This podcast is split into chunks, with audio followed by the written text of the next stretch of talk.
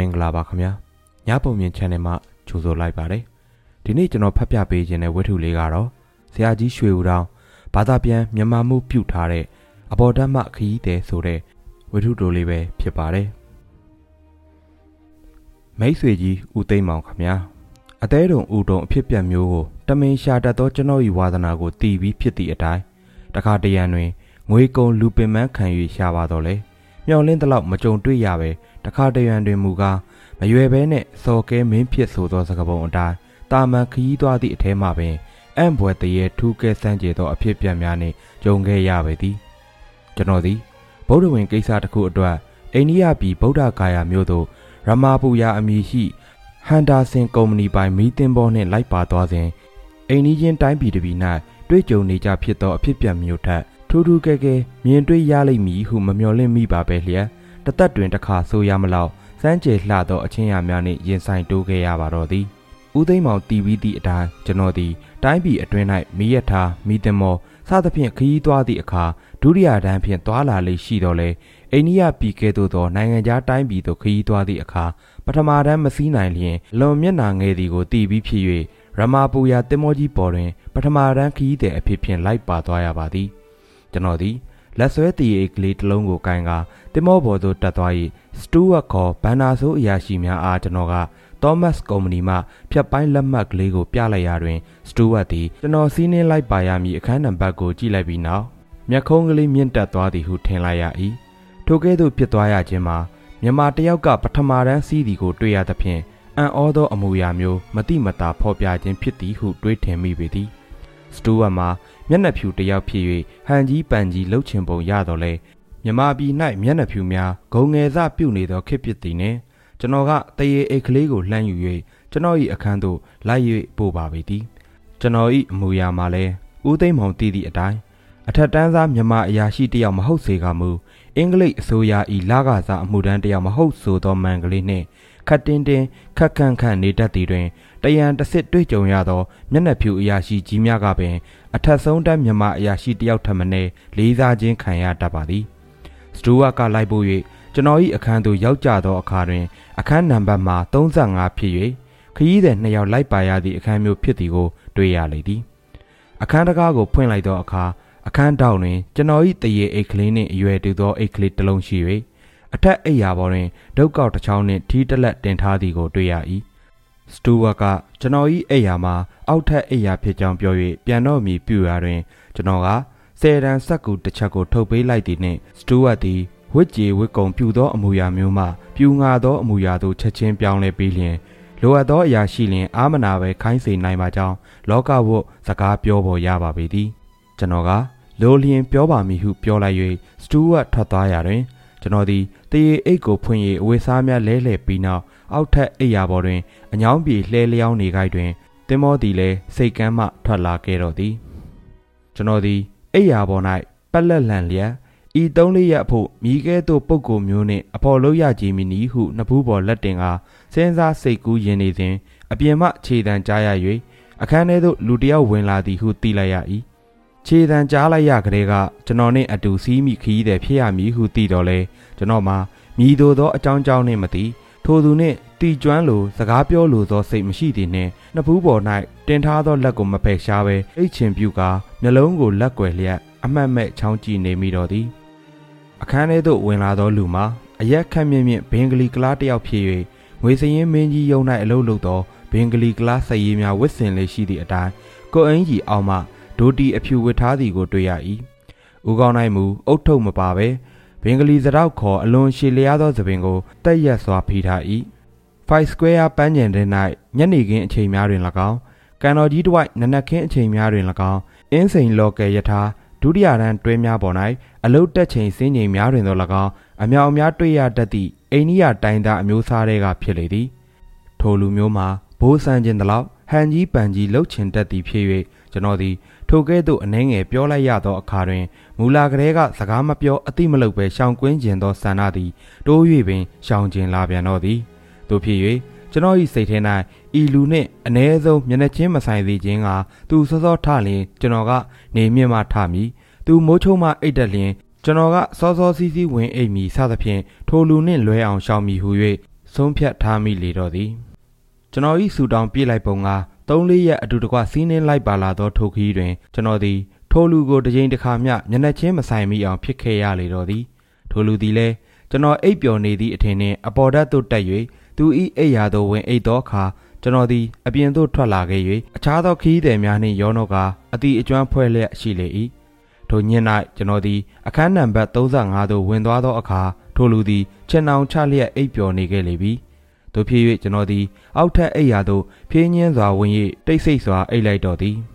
အိပ်ရာထဲ၌စဉ်းစားစိတ်ကူးသောအလေးအကျင့်မရှိသောကြောင့်ကျွန်တော်သည်မကြာမီတွင်အိပ်ပျော်ခြင်းသို့ရောက်ခဲ့ရာတညင်လုံးခုန်နှင်းသောဆက်တံမှတပါတင်မောတစည်းလုံးတိတ်ဆိတ်လျက်ရှိစဉ်အပေါ်ဓာတ်၌အိတ်သောခီးသည်သည်အိယာမှရုတ်တရက်လန်နိုးဟန်ဖြင့်အပေါ်ဓာတ်မှကျမ်းပေါ်သို့ဝုန်းကနေခုန်ဆင်း၍အခန်းတကားကိုဖွင့်ပြီးလျင်ကုန်းဘတ်ပေါ်သို့တတိုင်းတိုင်းပြေးတက်သွားသည့်ခြေတံများကိုကြားလိုက်ရလေ၏တင်မောမှာ ထိုအခါ၌လှိုင်းလုံးပေါ်တွင်တအီအီလိမ့်နေသဖြင့်ထိုလူမှာကုန်းဘတ်ပေါ်တွင်မှောက်လျက်လဲကျလိမ့်မည်ဟုထင်တော်လဲလဲတံမကြားရပဲတတိုင်းတိုင်းဆက်ပြေးလွှားနေသောခြေတံမျိုးကိုသာကြားရလေသည်ပြေးလွှားပုံမှာလည်းအတော့အတန်မဟုတ်လူလိုက်ရတက်သဖြင့်လွတ်အောင်ပြေးရခြင်းကဲ့သို့အမြန်ဆုံးပြေးဟန်တူလေသည်ထိုလူသည်အခန်းတကားကိုဖွင့်ထားခဲ့သဖြင့်တင်မောလူသည့်အခါတိုင်းတွင်တကားရွက်သည်တကြိမ်ချင်းတကြောင်ကြောင်မြည်လျက်ရှိရာ ကျွန်တော်မှာစိတ်ပေါက်စွာဖြင့်အိယာမှထား၍တကားကိုပိတ်ထားပြီးမှအိယာထဲသို့ပြန်၍ဝင်အိယာတော်သည်တရေနိုးလက်သောကျွန်တော်မှာအိယာထဲတွင်ချမ်းစိတ်စိတ်ရှိလျက်နှင့်စောင်းများဆွဲ၏ခြုံလျက်ရှိသည်အခန်းထဲတွင်ရေစော်နံသည်ဟုထင်မိ၍နက်နက်လင်းသောအခါမှတိုင်ကြားမည်ဟုစိတ်ကူးကရေရွတ်ကျိန်ဆဲနေမိ၏ထိုခဏ၌အထက်ထက်၌အိတ်သောဘင်္ဂလီကလားသည် တစ်ဖက်မှတစ်ဖက်သို့လူးလွန်းသောအတန်များကြားလိုက်ရသဖြင့်ကျွန်တော်အိပ်ပျော်နေခိုက်တွင် အခန်းထဲသို့ပြန်ဝင်လာသည်ဟုစဉ်းစားမိ၏နောက်တခဏ၌ညီးတွားသောအတန်တစ်ချက်ကြားလိုက်ရပြန်လေရာလှိုင်းလူသောကြောင့်ဖျားနေဟန်တူသည်ဟုကျွန်တော်တွေးမိ၏ထို့နောက်ကျွန်တော်လည်းအိပ်ပျော်သွားရမှနက်နက်လင်းမှနိုးလေတော့သည်ထိုနေ့နက်နက်၌တင်မောသည်လှိုင်းများကြောင့်ယမန်နေကထပ်ပုံမူလူးလိတ်လှုပ်ရှားလျက်ရှိ၏တို့ဖြစ်၍ တင်မောနှပိတွင်ရှိသောပေါ့ဟိုအပေါက်ဝိုင်းမှဝင်လာသောအလင်းရောင်သည်မှိန်ကြီးတစ်ခါလင်းကြီးတစ်လှည့်ဖြစ်နေ၏အပေါက်ဝိုင်းသည်ကောင်းကင်ဘတ်သို့လှည့်သည့်အခါတွင်ပုံမူလင်း၍တင်မောဆောင်းသွားသဖြင့်အောက်ဖက်သို့လှည့်သည့်အခိုက်တန်တွင်အလင်းရောင်မှိမ့်မိန်သွားတော့သည်ရာသီမှာဇွန်လဖြစ်၍လှိုင်းများအတော်ကြီးလေသည်ကျွန်တော်သည်အခန်းထဲတွင်အေးတင်သည်ထက်ပို၍အေးမြသည်ဟုထင်သောကြောင့်အပေါဝိုင်းစီသို့လှမ်းကြည့်လိုက်ရာအပေါဝိုင်း၌ပိတ်ထားသောမှန်ဝိုင်းပရင်းပေါက်လေးမှာ ပွင့်နေသည်ကိုတွေ့ရသဖြင့်အံ့ဩမိသည်တို့ဖြစ်၍ဆဲဆဲဆူဆူနှင့်ပရင်းပေါက်တကားဝိုင်းကိုထား၍ပိတ်ခဲ့ပြီးနောက်အထက်ထက်အိယာသို့လှမ်းကြည့်လိုက်ရာခြံအောင်ချထားသည်ကိုတွေ့ရသဖြင့်ဘင်္ဂလီခီးသည်မှာကျွန်တော်ကဲ့သို့ချမ်းချမ်းနှင့်ကွေးအိတ်နေသည်ဟုထင်မိ၏တို့ဖြစ်၍ကျွန်တော်သည်ထိုသူကိုရှောင်ကွင်းကျင်သောစိတ်ရှိသည့်အတိုင်းအိယာသို့ပြန်၍မဝင်တော့ဘဲအဝိစားများလဲလှယ်၍အပြင်သို့ထွက်လာခဲ့တော်သည်ကုန်းဘက်ပေါ်၌ကနေထွက်နေပြီဖြစ်၍ကြည်လင်စွာရှိနေ၏ကျွန်တော်သည် ကော်ဖီတောက်ရန်မသွားသေးမီကုန်းဘက်ပေါ်၌တပတ်နှစ်ပတ်လမ်းလျှောက်လျက်ရှိသည်တင်မောဆရာဝန်နှင့်စုံမိကြ၏ယမန်နေကလေးကတင်မောပေါ်၌လိုက်ပါလာသောကပတိန်မာလိန်ဆရာဝန်အစရှိသည့်တင်မောအရာရှိများနှင့်ပထမတန်းခီးသည်များကိုမိတ်ဆက်ပေးထားပြီးဖြစ်သောကြောင့်မြင်လျင်မြင်ချင်းဆရာဝန်ကိုကျွန်တော်မှတ်မိသည်ဆရာဝန်မှာထောင်ထောင်မောင်းမောင်းနှင့်ခတ်တုတ်တုတ်ရှိသောစကော့တလန်လူမျိုးတစ်ယောက်ဖြစ်၍စကားပြောသောအခါ၌အားရပါရပြောတတ်သူတစ်ယောက်ဖြစ်ကြောင်းကို မိတ်ဆက်ပေးစဉ်ကလေးကကျွန်တော်သတိပြုမိသည်သူ့ကိုကြည့်လိုက်လျင်သွေးရွှင်၍အလွန်ကြမ်းမာသူတစ်ယောက်ဖြစ်ပေသည်ဟုချက်ချင်းသိနိုင်သဖြင့်သူတစ်ပါးကိုကုသနိုင်လိမ့်မည်ဟုယုံကြည်စိတ်ချရလောက်ပေသည်ကျွန်တော်မှာဖြော့တော့သောအသားရည်ရှိသောဆရာဝန်ကိုအယုံကြည်မရှိလာချေသူတစ်ပါးကိုကုသမပေးမီမိမိကိုယ်ကိုကြမ်းမာလာအောင်လုပ်ပါအောင်ဟူ၍သာပြောလိုက်ခြင်းသည်ဆရာဝန်နှင့်စုံမိကြသောအခါကျွန်တော်ကအနောက်တိုင်းသားတို့ကိုအတူယူ၍တဲပြီးကြီးကြီးလင်းလင်းရှိတဲ့မနက်ကလေးပါပဲဟု ဥရုရာသီเจ้าမှစ၍စကားချီလိုက်သည်ကြည်လင်ပါပေတယ်ဗျာလွန်ရောဇွန်လာထဲမှာဒီလိုကြည်လင်တဲ့မနက်ခင်းမျိုးခက်ရှားရှားရှိလိမ့်မယ်ညာတော့ကအေးသလိုလိုရှိတယ်ဒေါက်တာမအေးပဲနေမလားပရင်းပေါက်ဝိုင်းကလည်းပွင့်လို့အခန်းထဲမှာပင်လေရီစော်နံပြီးခထိုင်းထိုင်းတောင်ဖြစ်နေတယ်ခမားအခန်းကနံပါတ်ဘလောက်မှအိတ်တယ်လဲနံပါတ်35ပဲထိုအခါဆရာဝန်သည်စက်ခနဲပြစ်သွား၍ကျွန်တော်ကိုစိတ်စိတ်ကြည့်နေတော့သည် ဘာကြောင့်လဲဒေါက်တာ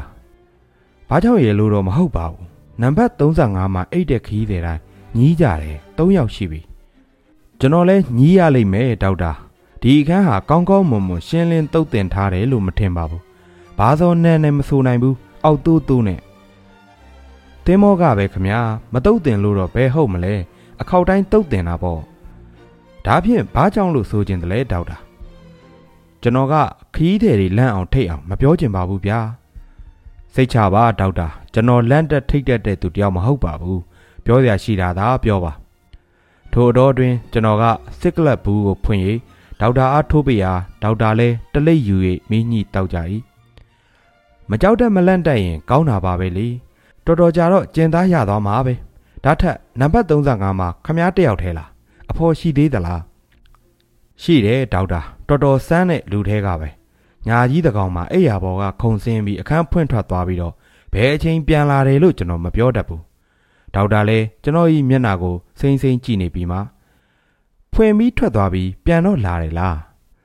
ကျွန်တော်အိပ်ပျော်နေတော့မှပြန်လာတယ်ထင်ပါရဲ့တရီးနိုးတော့အိယာထဲမှာလွန့်အတန်နေကြားနေရတယ်ကျွန်တော်လည်းချမ်းချမ်းနဲ့ပြန်ကွေးလိုက်ကြောဒီနေ့မနက်အိယာထားတော့မှပဒင်းပေါဝိုင်းပွင့်နေတာတွေ့ရတယ်ကိုလူခမကြည့်ရတာကြုံမြစ်တာရှိတယ် ဘာကြောင့်လဲတော့မဆိုနိုင်ဘူးဒီတင်မောနာမည်ပြက်လို့ဘသူကဘာပြောပြောကျုပ်ဂယုမဆိုင်ဘူးကျုပ်စကားကိုခမနားထောင်ရင်ကောင်းမယ်ကျုပ်အခန်းထဲမှာအကျယ်ကြီးခမလာအိတ်နိုင်တယ်ကျွန်တော်မှာဒေါက်တာစကားကြောင့်အံ့အားသင့်လျက်ငေးကြည့်နေမိတော့သည်ကျေးဇူးတင်ပါတယ်ဒေါက်တာသို့တော်နေပါသေးတော့ကျွန်တော်အိတ်ဝင်ပါတယ်နေပါအောင်ဗျဒီတင်မောကိုဂယုမဆိုင်ဘူးလို့ခမပြောတာဘာကြောင့်လဲကျွန်တော်ကအယူသီးတဲ့လူမျိုးတော့မဟုတ်ပါဘူး ကျွန်တော်တို့အလုပ်မျိုးကတောက်တီးတောက်တဲ့ဟာမျိုးတွေအယုံကြည်ရှိလို့မဖြစ်နိုင်ပါဘူးခမားကိုလည်းလန့်အောင်ထိတ်အောင်မလုပ်ချင်ပါဘူးဒါပေမဲ့တခုတော့ကြုတ်တောင်းပန်ခြင်းတယ်ဗျာနံပါတ်35မှာမအိပ်ပါလိနဲ့ကျွန်တော်အခန်းထဲပြောင်းအိတ်လှည့်ပါဗျာကျွန်တော်ကဒီလိုတော့မရဘူးဒေါက်တာဒေါက်တာအကြောင်းလုံလောက်အောင်သိရတော့မှပြောင်းတန်ပြောင်းအိတ်ရတာပေါ့ဘာကြောင့်လဲပြောစမ်းပါဦးအကြောင်းပြောရမှာဖြင့်နံပါတ်35မှာအိတ်တဲ့ခရီးတွေတိုင်း ရေထဲခုံခုံချတာ3ယောက်ရှိပြီဗျကျွန်တော်ဒီထိုစကားကိုကြားသောအခါစိတ်ထဲ၌အနှဲငယ်ဇနောက်ဇနင်းဖြစ်သွားကမှန်၏ဒေါက်တာဤတီကြည်သောမျက်နာကိုကြည့်လိုက်သောအခါတွင်ကယောကမီပြက်ရည်ပြောနေခြင်းမဟုတ်သည်ကိုလည်းသိရ၏ဆိုရတွင်ကျွန်တော်ဤဝါသနာကိုဥသိမ့်မောင်တီးပြီးဖြစ်သည့်အတိုင်းသူတစ်ပါးကြောက်သည်ဆိုသောအလုပ်မျိုးကိုစမ်းသပ်လှုပ်ချင်တတ်သည်ဖြစ်သောကြောင့် ကျွန်တော်မှာအခန်းနံပါတ်35မှာမရွေပြောင်းလို့သည့်အပြင်နောက်ထပ်ပတ်စံပေးမှအိယာမည်ဆိုရင်လဲပေးခြင်းတကယ်တော့ဖြစ်နေလေတော့သည်တို့ဖြစ်၍အခြားခီးသည်များရေထဲခုန်ချတော့လေကျွန်တော်၌ခုန်ချခြင်းလောက်အောင်စိတ်ညစ်စရာအကြောင်းတစုံတရာမှမရှိတော့ကြောင်းကျွန်တော်အတွက်စိုးရင်ပွဲမရှိကြောင်းဒေါက်တာအားပြောပြလေသည်ဒေါက်တာသည်ခေါင်းမာသောလူတစ်ယောက်နှင့်တွေ့နေရသည်ဟုထင်ဟန်ရှိသောမျက်နှာထားမျိုးနှင့် ကျွန်တော်အားလှမ်းကြည့်ပြီးလျင်ပြောင်းရွှေ့ခြင်းသောအချိန်တွင်သူ၏အခန်းသို့ပြောင်းရွှေ့နိုင်ကြောင်းဤကိစ္စကိုထပ်မံစဉ်းစားဖို့မှားထားပြီးနောက်ခွဲခွာသွားကြလေ၏ကျွန်တော်မှာပင်လယ်ခီးအကြိမ်ကြိမ်သွားဖို့ရာလှိုင်းမှုသောအလေးချင်းမရှိတော့လေအခြားခီးသည်များမှမူလှိုင်းကြီးသောဝါဆိုဝါကောင်ရာသီဖြစ်သောကြောင့်ကိုယ်အခန်းတွင်ကိုမူးနေကြသဖြင့်နနက်စာစားခြင်းတွင်ခီးသည်အနှင်းငယ်မျှသာထွက်လာကြ၏ထိုသူတို့အနက်တွင်ကျွန်တော်နှင့်အတူအိတ်သောဘင်္ဂလီခီးသည်လည်းမပါဝင်ကြ။ တင်းမောအရာရှိများမူကားအခန်းနံပါတ်35တွင်လိုက်ပါလာသောခီးသည်ဟု၍ဒေါက်တာပြောထားဟန်နှင့်တူ၍ကျွန်တော်အားစောင်းငဲ့စောင်းငဲ့ကဲခတ်ကြည့်နေကြတော့လေသည်နနက်စာစားပြီးသောအခါတွင်ကျွန်တော်သည်ကျွန်တော်၏အခန်းထဲသို့ဝင်၍စာအုပ်တအုပ်ယူလာခဲ့စဉ်အထက်ထက်အိယာသို့လှမ်းကြည့်လိုက်မိ၍ခြင်အောင်ချထားသည်ကိုတွေ့ရသဖြင့်ဘင်္ဂလီခီးသည်မှာအိယာမှမထားသေးပဲအိပ်ပျော်နေသည်ဟုထင်မိပေသည်အခန်းမှထွက်လာကြသောအခါတွင်စတူဝတ်နှင့်တွေ့၍သူကကျွန်တော်အား ကပတိန်ကတွေ့လိုကြောင်းပြောပြီးရှောင်ထွက်သွားတော့သည်စတူဝတ်၏အမူအရာကိုအကဲခတ်ရခြင်းအပြင်ထိုသူသည်ကျွန်တော်မေးသည့်မိကုံးများကိုမဖြေလိုသည်နှင့်ရှောင်ထွက်သွားသည်ဟုထင်ရပေသည်ကပတိန်၏အခန်းသို့ဝင်သွားသောအခါကပတိန်သည်ကျွန်တော်ကိုစောင့်မျှော်နေသည့်လက္ခဏာနှင့်ကလတ်ထိုင်တွင်ထိုင်လျက်ရှိ၏ကျွန်တော်ကိုမြင်လင်မြင်ချင်းကပတိန်ကကျွန်တော်ထံမှတစုံတစ်ခုတောင်းခံစရာရှိကြောင်းစကားချီလိုက်ရာကျွန်တော်ကကျေးဇူးပြု၍အသင့်ရှိကြောင်းပြန်ပြောရ၏ ဒီလိုပါမိတ်ဆွေခမားနဲ့အတူစီးတဲ့ခီးတဲ့ဟာပျောက်သွားပြီဗျမင်းညတုန်းကတော့သူ့အခန်းထဲသူခတ်စောစောဝင်အိတ်တယ်လို့သိကြရတယ်သူ့မှာထူးထူးခြားခြားတစုံတရာမြင်မိတွေ့မိတယ်လို့သတိပြုမိပါသလားဒေါက်တာထံမှကြားရသောသတင်းများနောက်၌ဤစကားကိုကြားရခြင်းဖြစ်သောကြောင့်ကျွန်တော်မှာအတော်လန့်သွားပါသည်ဘလို့ပျောက်သွားပုံလဲကပတိန်ရေထဲခုန်ချတယ်လို့ဆိုလိုသလားကျွန်တော်ကတော့ဒီလိုပဲထင်မိတယ်စမ်းလာကြည်ကလားကပတိန် ဘယ်ပုံစမ်းနေထင်တယ်လဲခမစမ်းပုံကတော့ရေထဲခုန်ချတဲ့လူတွေဟာဒီလူပါ၄ယောက်ရှိသွားပြီဆိုမဟုတ်လားကပတိန်နောက်ထပ်ကပတိန်ကကျွန်တော်အားဆက်လက်မေးမြန်းရာတွင် ကျွန်တော်သည်ဒေါက်တာထံမှကြားရသည်ဟုဖော်ထုတ်၍မပြောဘဲအခန်းနံပါတ်35အကြောင်းကိုကျွန်တော်တီချောင်းပြောမိသဖြင့်ကပတိန်သည်အံ့အားသင့်နေ၏ထို့နောက်ကျွန်တော်ကယမန်ညစ်ကကိုတွေ့ကြုံခဲ့ရသောအကြောင်းအရာများကိုကပတိန်အားပြောပြလေသည်နောက်ဆုံး၌ကပတိန်က ခမားကိုတွေ့အဖြစ်ပြက်နှင့်ဒီပြင်လူနှစ်ယောက်ရဲ့ကိုတွေ့အဖြစ်ပြက်နှင့်တူတယ်ပြို့သူတို့ကလည်းဒီလိုပဲပြောကြတယ်အပေါ်တဲ့အိယာမှာဘုံကနေဆိုခုံချပြီးတကားဖွင့်ထွက်ပြေးတာကိုမြင်မိလိုက်ကြတဲ့ခုံချတာကိုတော့ညသောအလှည့်ကျတဲ့တင်မောသားကမြင်လိုက်ရလို့တင်မောရက်ပြီးတမန်ကလေးတွေချရှာသေးတယ်ဒါပေမဲ့လည်းမတွေ့ရတော့ပါဘူးမင်းညတုန်းကပျောက်သွားတဲ့လူကိုတော့ဘသူကားမှလည်းမမြင်ကြားလည်းမကြားလိုက်မိကြဘူးတဲ့ဗျမနက်တုန်းကဒီတင်မောမှာပါတဲ့စတူဝတ်အရာရှိက အယူသီးသီးနဲ့တူပါရဲ့တောက်တီးတောက်တဲ့တွေယုံတဲ့လက္ခဏာရှိတယ်အဲ့ဒီစတူဝတ်ကသူ့စိတ်ထဲမှာစနောင်စနင်းဖြစ်လို့ဆိုထင်ပါရဲ့ခမားတို့အခန်းနံပါတ်35ကိုဝင်ကြည့်တော့အထက်ထပ်မှာဘသူကားမှမတွေ့ခဲ့ဘူးတဲ့ဗျသူ့ဝိစားကလေးတွေကိုသာပုံလည်သားတွေ့ခဲ့ရတဲ့ငကိုကလေးကဒီခီးတွေကိုသူမတင်ငါဖြစ်နေတဲ့အထဲမှာဝင်ရှာကြည့်လို့မတွေ့ရတော့ထိတ်ထိတ်လန့်လန့်နဲ့လိုက်ရှာတာတင်းမောတစ်စင်းလုံးနှံ့လို့ဘယ်မှာမှရှာမတွေ့ခဲ့ဘူးတဲ့ဗျဧကံမုတ်ချရေထဲခုန်စင်းသွားလို့ဖြစ်ရမှာပဲ သို့တော့ခမားကိုကြုတ်တစ်ခုတောင်းပန်ကြပါတယ်ဗျာဒီအကြောင်းကိုဒီပင်ခီးတယ်တွေကိုမပြောလိုက်ပါနဲ့ဦးဗျာနော်ပင်လေကူးတင်မောဆိုတာကလူတွေခဏခဏလိတ်ကြရင်နာမည်ပြတ်တယ်ဗျဟုတ်တော်ရှိမဟုတ်တော်ရှိစောင့်ကြည့်ရအောင်မယ်သို့တော့ခမားတော့ဒီအခန်းမှာအိတ်လို့မတော်တော့ဘူးအခန်းကြီးအားလုံးပြည့်နေလို့ခမားကိုတခြားအခန်းပေးစရာတော့မရှိဘူးတင်မောသားအရာရှိတွေအခန်းများအနက်ခမားကြိုက်တဲ့အခန်းကိုယူပေတော့ဗျာဘယ်နဲ့လဲကျေနပ်ရဲ့လားမကျေနပ်စရာတော့မရှိပါဘူးကပတိန်ကျေးဇူးလည်းတင်ပါတယ် သို့တော့35မှာဟိုလူမရှိရင်ကျွန်တော်တယောက်တည်းအိတ်ဖို့ဘာကြောင့်မဖြစ်နိုင်ရမှာလဲဗျတယောက်တည်းကြဲကြဲဝန်းဝန်းလွတ်လွတ်ကျွတ်ကျွတ်တာတောင်းကောင်းသေးတာပဲသူ့ပစ္စည်းကလေးတွေကိုသာဖယ်ပေးကြပါသေးဗျာကျွန်တော်ဟာကျွန်တော်တယောက်တည်းအိတ်ပါမယ်ခင်ဗျာခင်ဗျာမပြောစီခြင်းရင်ဘသူမှကျွန်တော်မပြောပါဘူးကျွန်တော်လဲဟိုလူလိုခုံမချပါဘူးစိတ်သာချပါကပတိန်ကပတိန်ဒီကျွန်တော်အားနံပါတ်35တွင်မအိတ်ဖို့အတန်တန်တောင်းပန်သေး၏ သင်္ဘော၌ကပတိန်သည်ရှင်ဘရင်ဖြစ်သည်ဆိုတော့လဲပေးပြီးသောအခန်းမှအကြောင်းမဲ့မောင်းထုတ်ရန်မဖြစ်နိုင်ကြကျွန်တော်၏ဝါသနာစိုးတစ်ခုမှလည်းလောက်တော်မီဆိုလင်ဘသူတားဆီးတော်မှမရမကဖြစ်အောင်လုပ်ရမှစိတ်ကြည်နှက်တတ်၏ဒါကြောင့်မှလဲကပတိန်သည်ကျွန်တော်ကိုထိုအခန်းမှပြောင်းရွှေ့ဖို့အတင်းကျပ်အမိတ်ပေးမိဆိုလင်အကြောင်းချင်းရာကိုအခြားခီးသည်များသိကုန်ကြပေတော့မည်ထိုကဲ့သို့ပြုလုပ်ရန်လဲအလိုမရှိသောကပတိန်သည်ကျွန်တော်၏ခေါင်းမာခြင်းကိုလက်လျှော့လိုက်ရလေတော့သည် အကယ်၍ကျွန်တော်သည်ကပတိန်၏စကားကိုနားထောင်၍ပြောင်းရွှေ့လိုက်ပါမူဤအဖြစ်ပြက်များမှာဤနေရာမျှတွင်ပြီးဆုံးသွားဖွယ်ရာရှိ၏ကျွန်တော်သည်ကပတိန်အားဆက်လက်၏အကြောင်းပြပြောဆိုသည်မှာနံပါတ်35တွင်ထူးခြားချက်တစ်စုံတစ်ခုရှိနေဟန်တူ၍ကျွန်တော်လည်းစုံစမ်းဖို့ဝါသနာရှိကြောင်းထင်ရပုံမှာယမန်နေ့ညကမှမှန်တကားပွင့်နေ၍အေးချမ်းလျက်ရှိသည်တွင်ငကိုကလေးကကျမ်းမာသည့်လက္ခဏာမရှိသောဘင်္ဂလီခီးသည်မှာအိယာရဲနှင့်အဖျားတက်၍ ကြောင်ကရန်းဖြင့်အိယာပေါ်မှခုံစင်းပြေးပြီးလျင်တနေရာတွင်ထိုးအိတ်နေခြင်းဖြစ်နိုင်ကြောင်းပြတင်းဝိုင်းမှာကန့်လန့်ချောင်နေသည့်လက္ခဏာရှိ၍လိုအပ်သည်ကိုကျွန်တော်ပြင်ဆင်လိုက်လျင်ကိစ္စပြီးသွားမည်ဖြစ်ကြောင်းပြောပြလေ၏ဒါကတော့ခမားသဘောပါပဲခမားခမားကိုပေးထားတဲ့အခန်းမှာကျွန်တော်ကမောင်းထုတ်နိုင်တဲ့အခွင့်အရေးတော့မရှိဘူးပေါ့သို့တော်လေအကောင်းဆုံးတော့နံပါတ်35ကိုတောက်ခတ်ပြီးပိတ်ထားလိုက်ရင်အကောင်းဆုံးထင်တာပါပဲဗျာကျွန်တော်ဒီလက်မလျှော့ပေးပဲ မြည်သူမှမပြောပြပါဟု၍သာဂတိထားခဲ့ပြီးလျှင်ကပတိန်၏အခန်းမှထွက်ခွာလာခဲ့၏ဘင်္ဂလီခီးသည်မှာတင်မောဘော်တွင်အတိမိတ်ဆွေပါဟန်ရှိဟန်မတူသောကြောင့်ပျောက်ကွယ်နေသည့်အတွက်မြည်သူကမှသတိမရကြထိုနေ့၌ကျွန်တော်သည်ဒေါက်တာနှင့်တွေ့၍ပြောင်းရွှေ့ဖို့သဘောတူပါသလားဟုမေးမြန်းရာတွင်ပြောင်းဖို့စိတ်ကူးမရှိကြောင်းပြန်ပြောလိုက်၏အခုမပြောင်းသေးရင်တော်တော်ကြာခမားပြောင်းရမှာပါဗျာကြည့်ကြသေးတာပေါ့ဒေါက်တာထိုည၌ကျွန်တော်သည်အခြားခီးသည်များနှင့်အတူ ဖွက်ဖဲကစားနေမိသည်ဖြစ်၍အတော်ညစ်နှမှထလာခဲ့၏နံပါတ်35သို့ဝင်သွားသောအခါ၌ကျွန်တော်မှာပွဲကြည့်သွားရခြင်းတကယ်သို့စိတ်ဤပျော်ရွှင်ခြင်းရှိကြောင်းဝန်ခံရပေမည်ဘင်္ဂလီသရောက်ကြီးနှင့်အရက်မြင့်မြင့်ကလားကြီးဤပုံတရံသည်ကျွန်တော်၏မျက်စိတွင်ပေါ်နေ၍ဤအချိန်တွင်ဘင်္ဂလားအော်ရေပင်ကြီးထဲတွင်လှိုင်းပုတ်သောကြောင့်တလှုပ်လှုပ်တရွရွဖြစ်နေလိမ့်မည်ဟု၍လည်းတွေးတောမိ၏အခန်းထဲ၌အဝေစားများချွတ်နေစဉ်ပြောင်လာအောင်ဖီးထားသောဘိုးကေကြီးကို မျက်စိထဲတွင်မြင်နေသဖြင့်အထက်ထက်ရှိကလကာကိုလက်ဖြင့်လှည့်ရကြည့်လိုက်မိသေး၏ထို့နောက်ကျွန်တော်သည်အခန်းတကာပွင့်နေသည်ကိုအံ့ဩစွာတွေ့မြင်ရ၏ထိုတကားဝိုင်းမှာတင်မောခုန်နှင်လျက်ရှိသည့်အခိုက်ခါတွင်ခတ်သိမ်းပိတ်ထားရသောထုံးစံရှိပါလျက်ယခုမှပွင့်နေုံမျှမကတကားရွက်ကိုဂျိတ်နှင့်ချိတ်ထားလိုက်သေး၏ဤတွင်ကျွန်တော်သည်ဒေါသတကြီးနှင့်အဝတ်ပြန်ဝေ၍စတူဝတ်ကိုဂျိန်အန်ဟုသူ၏အခန်းသို့လျှောက်လာခဲ့၏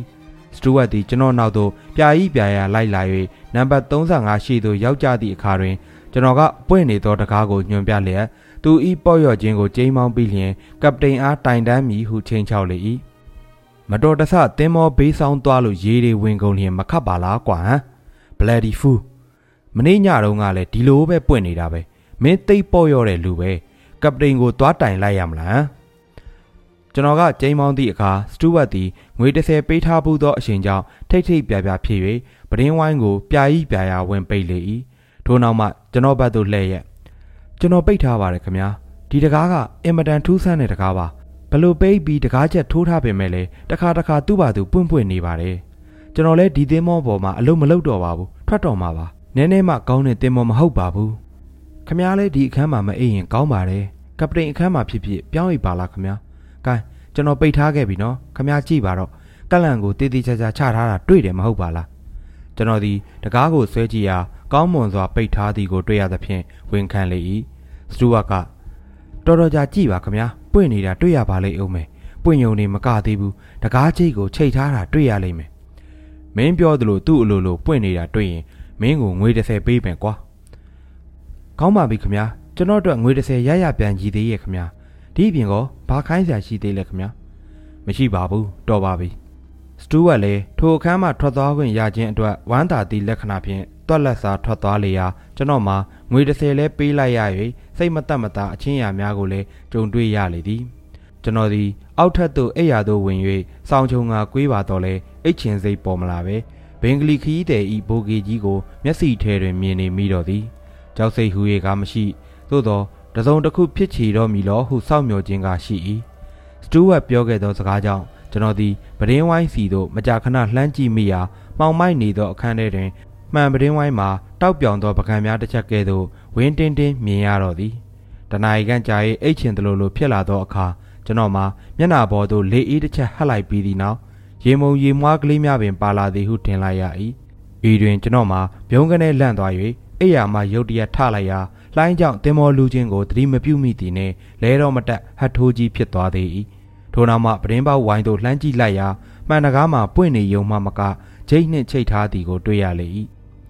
အခြားလူများအဖို့မူကားဤအချင်းရာကိုထိတ်လန့်ပွဲဖြစ်တော်လဲအတွေ့အကြုံများခဲ့သောကျွန်တော်အဖို့မှာထိတ်လန့်သေးသည်မဟုတ်ပဲစတူဝတ်ပြောသည့်အတိုင်းဟုတ်နေခြင်းများလောက်ကိုသာဝန်ခံ၍ဤထူးဆန်းသောအချင်းအရာကိုအရင်အမြင့်သို့တိုင်အောင်စုံစမ်းလိုသောစိတ်လောက်မျှသာဖြစ်ပေါ်လာတော့သည် တို့ဖြစ်၍ကျွန်တော်သည်တကားဝိုင်းကိုတဖန်ပိတ်၍စောက်ကြည့်ရန်ပြင်ဆင်လေ၏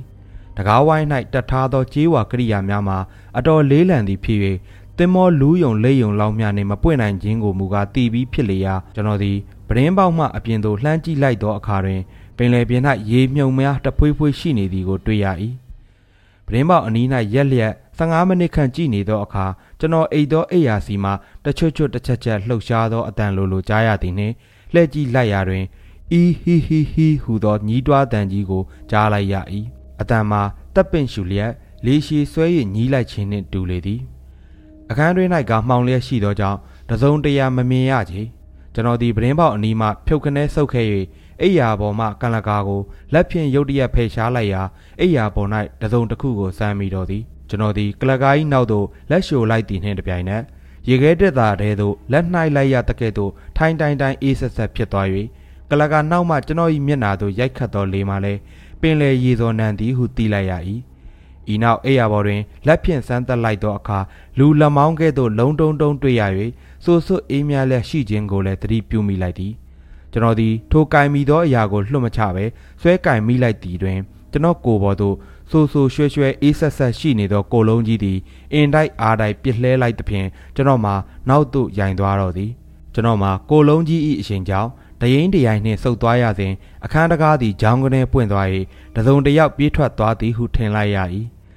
ကြောက်လန့်ခြင်းထက်အံ့ဩခြင်းကပုံမလျက်ရှိသောကျွန်တော်မှာကြာရှည်စွာရက်မကြံရစ်ခဲ့ပဲတကားပေါက်မှချက်ချင်းထွက်သွားပြီးလျင်မိအောင်လိုက်ဖို့ကြိုးစားတော့သည်ကျွန်တော်၏ရှေ့၌မပြောင်တပြောင်ရှိနေသောလမ်းကြားတစ်လျှောက်တွင် မဲမဲကြီးတစ်ခုရွေလျားလက်ရှိသည်ကိုမြင်ရပေရာမိတိုင်အောက်တွင်ဘိုက်စကယ်စီးသွားသောအရိတ်ကဲ့သို့လှင်မြန်သည်ထက်ပို၍လှင်မြန်သည်ကိုကျွန်တော်တွေ့လိုက်ရ၏တို့ဖြစ်၍ကျွန်တော်သည်လက်ရန်သို့ရောက်၍မောဟိုက်စွာကန်ကငေးမျော်လျက်ကြည့်နေစဉ်ထိုအရာမှာကွယ်ပြောက်သွားခဲ့ကြပြီလူမလန့်တော့လဲတွေးလန့်သည်ဟုအချို့လူများပြောတတ်ကြ၏ကျွန်တော်မှလည်းထိုကဲ့သို့ဖြစ်နေဟန်တူသည်ရင်တုံထိတ်လန့်သည်ဟုမဆိုနိုင်တော့လဲကြောထဲမှစိမ့်တက်၍ကြက်သီးမှွင်းခြင်းထားမိတော့သည် နောက်ပိုင်း၌ကျွန်တော်သည်အခန်းသို့ပြန်လာခဲ့၍အတွင်းသို့ဝင်လာသောအခါတွင် ပင်လေရေသောနံလျက်ရှိနေသည်ဟုထင်မိ၏ဤညစ်အဖို့မှာအိတ်နိုင်တော့မီမထင်သည်နှင့်ကျွန်တော်သည်လက်ဆွဲမိအိမ်ကိုထွန်း၍စာဖတ်ဖို့ပြင်ဆင်တော့သည်ထိုအခိုက်တွင်မှန်ပတင်းဝိုင်းကိုလှမ်းကြည့်လိုက်ရာပွင့်နေသည်ကိုတွေ့ရပြန်သည်တကားကိုပိတ်ထားခဲ့ပြီးသည့်နောက်အထက်ထက်အိယာမှကလကာကိုဖယ်ရှား၍လက်ဆွဲမိအိမ်ဖြင့်အိယာကိုတေချာစွာကြည့်ရှုရာတွင်တစုံတယောက်အိတ်ထားသည့်အထိမ်းမှန်များတွေ့ရတော့လေ ကျွန်တော်မျှော်လင့်ခဲ့သည့်အတိုင်းစိုးစစ်မနေဘဲ၆သွေးလျက်ရှိသည်ကိုတွေ့ရသည်ထို့နောက်ပရင်ပေါဝိုင်းပွင့်နေသည်ကိုတွေ့ရပြန်သဖြင့်ကျွန်တော်သည်ကြေးကွင်းတွင်ဒုတ်ရှူလျက်ဝက်အူကိုလှဲ့နိုင်သမျှတင်းကျပ်အောင်လှည့်ထားခဲ့၏နောက်ဆုံးတွင်ကျွန်တော်သည်မိအိမ်ကိုခေါင်းရင်း၌ချိတ်၍စာဖတ်နေတော့ရာမိုးလင်းလူသည်တိုင်အောင်ထူးထူးခြားခြားမတွေ့ရတော့သည်နှင့်စာအုပ်ကိုပစ်ချ၍အိပ်ပျော်ခြင်းသို့ရောက်သွားတော့သည်နနက်လင်း၍ကုန်းဘတ်သို့ထွက်လာသောအခါဆေးတံကိုခဲလျက်လမ်းလျှောက်နေသောဒေါက်တာနှင့်စုံမိကြ၏ နှုတ်ဆက်ကြပြီးသည့်နောက်ခမားပြောတာဟုတ်ပါတယ်ဒေါက်တာနံပါတ်35ကတော့အမှန်ဆန်းနေပြို့ခမားကြည့်ရတာအိပ်ဖြတ်ပုံရတယ်ဘလို့များကြုံတွေ့ရသလဲဤတွင်ကျွန်တော်သည်ယမန်ညစ်ကအဖြစ်ပြက်များကိုဒေါက်တာအားပြောပြ၍ပရင်းဝိုင်းဤမကြာခဏပွင့်နေရခြင်းအချင်းရာကိုလည်းအကျယ်တဝင့်ပြောပြလေသည်ဟုတ်တယ်ဗျဒါကြောင့်မို့ကျုပ်ကတောင်းပန်တာပေါ့ကျုပ်နဲ့အတူအိတ်လဲပါဗျာခေါင်းမမာခြင်းပါနဲ့တော့ ခမားကကျုပ်စီလာအိတ်ရင်ตาမကောင်းဘူးလားဒေါက်တာဒီအကြောင်းကိုတည်တည်ချာချာစုံစမ်းကြည့်ရအောင်လေဗျာဒေါ်ဘီမိတ်ဆွေကျုပ်ကစုံစမ်းမနေဘူးဒီပြင်တင်မောတစင်းကိုပြောင်းတော့မှာဆရာကြီးခမားကြောက်သလားဒေါက်တာကြောက်တယ်ဆိုခြင်းဆိုဒီဟာစုံစမ်းနေလို့ဘာအကျိုးမှမရှိဘူးသွေးပြက်ပြီးယူးသွားရင်ဘယ်နဲ့လုပ်မလဲဒေါက်တာဆိုပြီးတသိတွေပါတွေယုံသလားဗျယုံနာမယုံနာအပထားဒီဟာစုံစမ်းလို့ဘာအကျိုးမှမရှိဘူးကြုံနာလေတယ် အမှန်ပြောလျင်ကျွန်တော်မှာနံပါတ်35အကြောင်းကိုဆက်လက်ရေးစုံစမ်းလိုသေး၏သို့သောတယောက်တည်းစုံစမ်းခြင်းထက်အဖော်တယောက်ရနိုင်လျင်တာဤကောင်းလိမ့်မည်ထင်မိသည်တို့ဖြစ်၍အဖော်ညှိမြသောဒေါက်တာကိုထားခဲ့ပြီးနောက်ကျွန်တော်သည်ကပတိန်ထံသို့သွား၍အဖြစ်ပြက်ကိုပြောပြလေသည်ကပတိန်မှာကျွန်တော်ကဲ့သို့ပင်စုံစမ်းခြင်းသောဝါသနာရှိသူတယောက်ဖြစ်ရာကနောက်ဆုံးည၌ဖြစ်သောဤအခွင့်အရေးကိုကျွန်တော်နှင့်အတူစုံစမ်းကြည့်ရန်အကြံပေးရသည်ဟုတ်တယ်ပြု စုံစမ်းကြည့်ရင်ကောင်းသားပဲကျုပ်ကတော့တစီဆိုတာတိတ်မယုံဘူးတင်မောဦးစီးပြီးတစီလိုလိုဘာလိုလိုလှုပ်ချင်လှုပ်နေမယ်ထင်တယ်ကောင်းပြီစိန်လိုက်ဗျာကျုပ်လာပြီးစောင့်ကြည့်မယ်ထိုညနေ၌ကပတိန်သည်တင်မောလက်သမားကိုခေါ်၍နံပါတ်35တွင်လျှို့ဝှက်ထားသောအံပုံးများရှိပါသလားဟုကျမ်းပြင်နှင့်နေရန်အကြိုကြားတို့ကိုစစ်ဆေးကြည့်ရှုစေရာတစုံတရာချွန်ရင်းကြွက်မတွေ့ရသည်နှင့်ကျေနပ်ကြရ၏ လက်သမားကမူနံပါတ်35အကြောင်းကိုကြားဘူး၍ကျွန်တော်တို့၏အကြံစီကိုလည်းရိပ်မိသည်နှင့်စုံစမ်းခြင်းအလုပ်ကိုလက်လျှော့ပြီးလျင်အခန်းတကားကိုအပြင်မှပြင်ပြချက်ကြီးများဖြင့်တခါတည်းအသေးပိတ်ရိုက်ဖို့အကြံပေး၏တို့ရရင်ကျွန်တော်ကငကိုကလေးကစုံစမ်းခြင်းသည့်အထဲတွင်ကပတိန်မင်းအဖော်ရသောကြောင့်လက်လျှော့ဖို့စိတ်ကူးမရှိချေကပတိန်မှာကိုမာတလောက်စိတ်တင်း၍အတော်ဥရှင်သောလူတစ်ယောက်ဖြစ်ရာကျွန်တော်တို့စီစဉ်ထားသောအလုပ်တွေစိတ်ပါလက်ပါပြင်ဆင်လျက်ရှိ၏။ဒါကြောင့်မှလည်း နံပါတ်35ကိုတခါတည်းပိတ်ထားရလျင်ခရီးသည်နှစ်ယောက်အတွက်ဝင်ငွေရော်သွားမည်ဖြစ်သောကြောင့်ဤပြဿနာကိုကျေနပ်စွာရှင်းနိုင်လျင်တင်မောကုမ္ပဏီ၌သူ့အဖို့နမဲကောင်းရလိမ့်မည်ဟု၍လည်းနားလေဟန်တူလေသည်ထိုည၌10နာရီထိုးသည်နှင့်တပြိုင်နက်ကျွန်တော်နှင့်ကပတိန်တို့သည်နံပါတ်35သို့ဝင်ကြစဉ်အနီးမဝေးမှစောင့်ကြည့်ကာပြုံးနေသောစတူဝတ်ကိုမြင်မိသေး၏အခန်းထဲသို့ဝင်ပြီးကြသည်နှင့်တပြိုင်နက်ကပတိန်ကအခန်းတကားကိုပိတ်၍မင်းတုတ်ချလိုက်တော်သည် ထို့နောက်ကပတိန်သည်ထိုင်ကုန်လေးတစ်ခုကိုတကားအနီး၌ကပ်လျက်ခင်းထား၍ထိုအပေါ်တွင်ထိုင်ပြီးလျင်ကျွန်တော်ကအိယာပေါ်မှစောင့်ရင်းအပြင်အခန်းထဲမှအပြင်ဘက်သို့မြည်သူမှမထွက်နိုင်အောင်စီမံလေ၏ထိုအတော်အတွင်းကျွန်တော်သည်ဝက်အူကိုတင်းကျပ်စွာပိတ်ထားသောမှန်ပတင်းဝိုင်းကိုစစ်ဆေးကြည့်ရာကျွန်တော်ပိတ်ထားခဲ့သည့်အတိုင်းတွေ့ရ၍ဖွင့်လိုခဲ့လျင်ကျွန်တော်လှည့်တကဲ့သို့ဒုတ်ရှိုဖွင့်မှသာပွင့်နိုင်ပေတော့သည် ထို့နောက်ကျွန်တော်သည်အထက်ထက်အိယာမှကလကာကိုဖွင့်ထားခြင်းအပြင်အိယာပေါ်သို့အလွယ်တကူမြင်နိုင်အောင်စီမံထားလေသည်ကပတိန်၏အကြံပေးချက်အရလက်ဆွဲမီးအိမ်ကိုထွန်း၍အထက်ထက်အိယာပေါ်သို့အလင်းရောင်ထိုးသောနေရာ၌ချိတ်ထား၏အောက်ထက်အိယာအောက်၌တစုံတယောက်ပုံအောင်မနေနိုင်စေခြင်းကလည်းငုံ၍စစ်ဆေးကြလေသည်နောက်ဆုံး၌ကပတိန်သည်အခန်းတကား၌ကဲ့ရဲ့ခင်းထားသောထိုင်ကုန်ကလေးပေါ်တွင်ထိုင်၍ကျွန်တော်ကအောက်ထက်အိယာအစွန်၌ထိုင်ကာစောင့်ကြလေတော့သည်ကပတိန်သည် ပပေါင်တစ်ဖက်ပေါ်၌လက်တစ်ဖက်တင်ကခြေကလိန်ချိတ်လျက်ဆေးတံဖွာရင်ပထမအဆုံးဖြစ်တာကမက်လာလောက်ကဗျအိမ်တုန်းကဒီအခန်းမှာဘင်္ဂလီကလားတယောက်ပဲသူ့အိမ်သူအိမ်သားတွေမသိပဲဒီသင်းမောလိုက်လာတယ်တကောင်လောက်ကြတော့ဒီအခန်းထဲကထွက်ပြေးပြီးတော့ရေထဲခုန်ချလိုက်တာကိုသင်းမောသားတယောက်ကမြင်လိုက်ရတယ်သင်းမောရက်ပြီးတမန်နဲ့လိုက်ရှာတာမတွေ့လိုက်တော့ဘူးဒီတုန်းကကျွန်တော်တို့ကစိတ်မနှံ့တဲ့အယူတယောက်သူ့ကိုယ်သူတက်တည်ခြင်းပဲလို့ယူဆလိုက်ကြတယ် ဒီလိုကြီးပဲခဏခဏဖြစ်ခဲ့တယ်ဆိုခဏခဏလို့တော့မဟုတ်ပါဘူးဖြစ်တဲ့အခါဖြစ်တတ်တာပေါ့ဘာငေးကြည့်နေတာလဲဗျထိုခဏ၌ကျွန်တော်မှာမှန်ပရင်းဝိုင်းစီသို့လှမ်းကြည့်နေမိ၍ကျွန်တော်လှည့်ပိတ်ထားသောဝက်ဥသည်တဖြည်းဖြည်းလဲနေသည်ထင်မိသောကြောင့်စိုက်ကြည့်နေမိခြင်းဖြစ်လေသည်ကပတိန်လည်းကျွန်တော်စိုက်ကြည့်နေသောနေရာသို့လှမ်းကြည့်လိုက်ပြီးသည့်နောက်ကျွန်တော်လည်းလဲပါတယ်လို့ထင်လို့ကြည့်နေတာပဲတင်းမောလှုပ်လို့လဲတယ်ဆိုရင်လေနေကင်းကလေးကလဲဖို့ကောင်းတယ် ခုနှစ်တုန်းကကျွန်တော်စစ်ဆေးကြည့်တော့လုံးဝမလဲဘူးဗျကျွန်တော်ပိတ်ထားခဲ့တဲ့အတိုင်းတင်းလို့ကြက်လို့ပဲကျွန်တော်ဒီထိုင်အားမှထသွား၍ဝက်ဥကိုစုံစမ်းကြည့်အားခြောင်နေသည်ကိုတွေ့ရသဖြင့်လက်ဖြင့်အလွယ်တကူလှည့်ဖွင့်နိုင်တော့သည်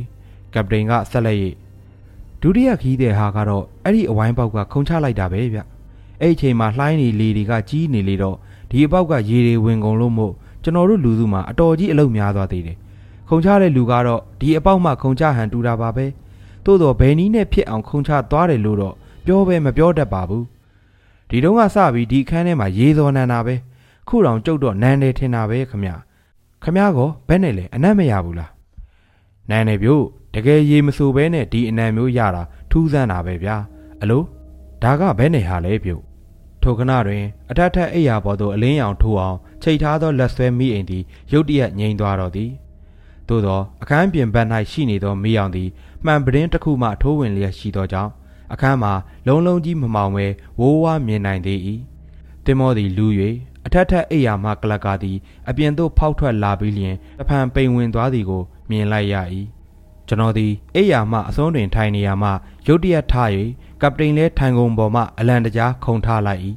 ကျွန်တော်သည်လက်ဆွဲမှန်အိမ်ကိုစစ်ဆေးမိလှမ်းယူသေးတွင်ကပတိန်ကအလံတကြားခေါ်လိုက်တန်ကြားသည်နှင့်သူ့စီသို့ကြပြကြရာလှည့်သွားရ၏ ထိုကနား၌ကပတိန်သည်မှန်ပရင်းဝိုင်းမှဝက်အူကိုအတင်းကင်ထားရာ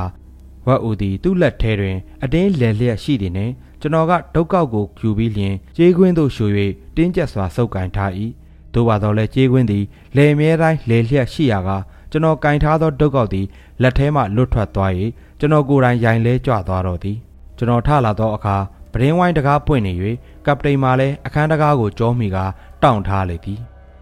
အပေါ်တဲ့အိယာထဲမှာတ ယောက်ယောက်ရောက်နေတယ်ဗျ